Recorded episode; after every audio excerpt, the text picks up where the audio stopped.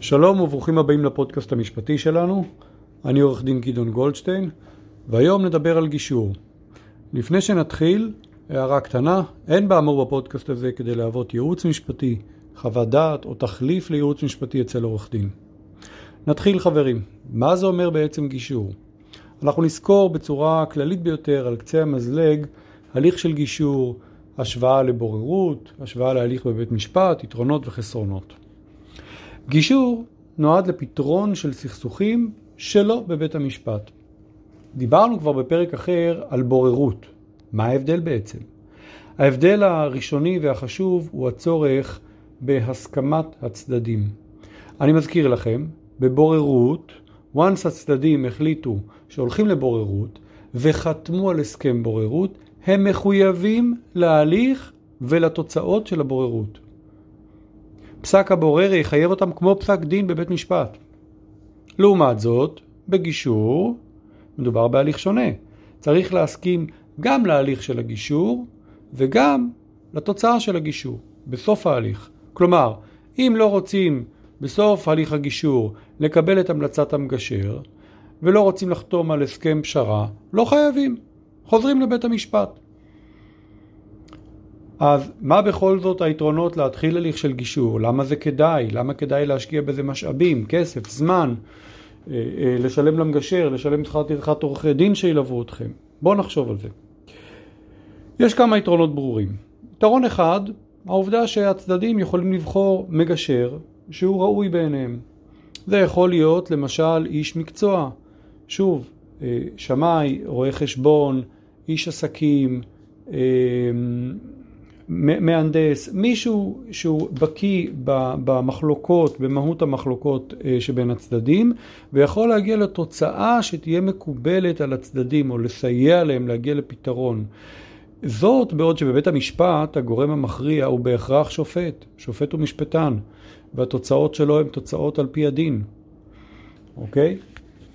איזה עוד יתרון יכול להיות? יש יתרון חשוב מאוד שהרבה מגשרים, אה, מהניסיון שלי, פשוט מחמיצים אותו ביג טיים. אבל יתרון עצום של מגשר הוא שעל פי הדין, המגשר יכול גם להיפגש עם כל צד בנפרד, זאת אומרת בלי הצד השני, ולשמוע ממנו על למה הוא הגיע למצב הזה, ומה חשוב לו לקבל בתוצאה של ההליך הזה, ומהי התוצאה שהוא רוצה להגיע אליה. זה משהו שכמובן אסור לעשות בבוררות ואי אפשר לעשות בבית משפט. כלומר, אתה לא יכול בהליך של בוררות אה, להגיד לבורר, אני, אני נפגש, אה, לנסות להיפגש עם הבורר בנפרד, ולבורר אסור לעשות את זה, הוא בעצם אה, מביא לפסילה של עצמו בדבר כזה. בבית משפט זה כמובן לא קורה, אלא בסעדות, בבקשות לסעדים זמניים, נדבר על זה בהזדמנות, אבל בגדול ההליך הוא שקוף לשני הצדדים. בגישור זה משהו שהמגשר יכול לעשות, ומגשר טוב יודע לעשות את זה היטב. ויודע להגיע לתוצאות ולהבין מה חשוב לכל צד, ותתפלאו, אני אדגים לכם בסוף, אני אתן לכם דוגמה יפה מאוד, אה, איך אפשר להגיע לתוצאה שהיא טובה, ואי אפשר היה להגיע אליה אה, בבית משפט, או אי אפשר היה להגיע אליה בבוררות.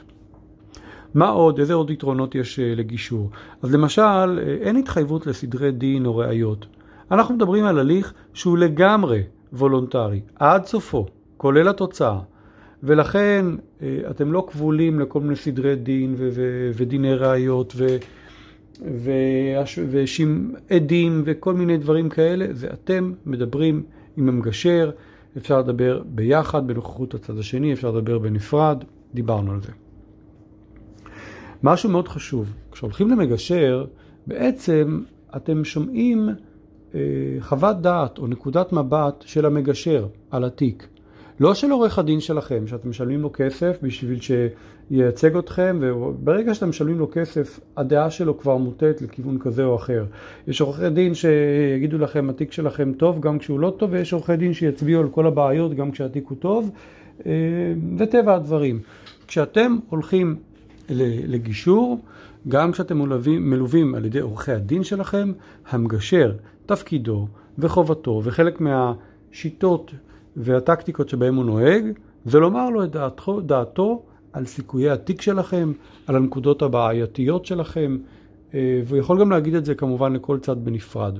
וזה גורם לכם לחשוב האם אתם רוצים להמשיך בגישור או לחזור לבית המשפט. משהו מאוד מאוד חשוב בגישור, יתרון עצום, אפשר לקבל פתרונות שהם לאו דווקא חלוקה של העוגה, כלומר בהנחה ששניים מתקוטטים על העוגה, אלא מקסום של המצב. אפשר גם לקבל תוצאה שלא ניתן לקבל מבית משפט. בית משפט מוגבל לסעדים שניתן לתת בדין. על מה אני מדבר? אני אתן לכם דוגמה מתמצתת ונחמדה שלמדתי באוניברסיטה, סיפרו אותה באוניברסיטה. יש סיפור על שניים, שני אחים שיורשים פרדס. וכל אחד מהם תובע מהאח השני, האחד אומר, לי מגיע כל הפרדס, השני אומר, לי מגיע כל הפרדס. הלכו השניים לגישור, ובגישור שאל אותם המגשר בנפרד, שאל את, אח, את האח הראשון, תגיד, למה אתה רוצה את הפרדס? למה זה כל כך חשוב לך? הוא אומר, מה זאת אומרת? אני, יש לי מפעל למיצים, ואני רוצה לסחוט את המיצים למיץ תפוזים. שמע המגשר, הלך לאח השני בנפרד בחדר אחר ושאל אותו, תגיד, למה לך חשוב לרשת את כל הפרדס ולקחת את כולו? אומר לו האח, לי יש מפעל לריבות, ואני רוצה להשתמש בקליפות התפוזים כדי לייצר ריבה. מאוד חשוב לי. אתם כבר יודעים לשער בעצמכם מה התוצאה. התוצאה היא שלא צריך לחלק את הפרדס בין שני האחים. אפשר עם אותו פרדס, עם אותם תפוזים, לאחד לתת את המיץ, לשני לתת את הקליפות ולהשתמש בתפוזים הזה באופן שבעצם מקסמנו ולא חילקנו. והגענו לתוצאה שבבית משפט בוודאי אפשר היה להגיע אליה, בבית משפט כל אחד היה מקבל חלק או את הכל. אז כמה נקודות על, על קצה המזלג דיברנו עליהן, אפשר להרוויח המון מהליך של גישור, בכל זאת צריך להבין שגישור אה, אה, דורש משאבים, זה עניין של זמן, של תשומות של כסף, אבל אני ממליץ לכם, אם אתם הולכים לגישור, אחד, תהיו מלווים בכל זאת בעורכי דין שלכם, שידעו גם לומר לכם איזה לחצים מפעילים עליכם במהלך הגישור שהם נכונים או שהם בעייתיים, ו- וידע לעזור לכם לשקלל סיכונים וסיכויים. שנית, הרבה פעמים אה, עורכי דין אה, מציגים את הדברים גם במהלך הגישור באופן שמוריד מכם הרבה מאוד לחצים. אה, ובסופו של יום צריכים להבין מה קורה אם לא חוזרים, אם לא מצליחים בגישור. אם לא מצליחים, תמיד הדרך פתוחה לחזור לבית משפט ולהתדיין שם, ובשביל זה אתם גם צריכים את עורכי הדין שלכם. זהו, עד כאן להיום, מקווה שהחכמתם והשכלתם. אני עורך דין גדעון גולדשטיין, שיהיה לכם המשך יום נפלא.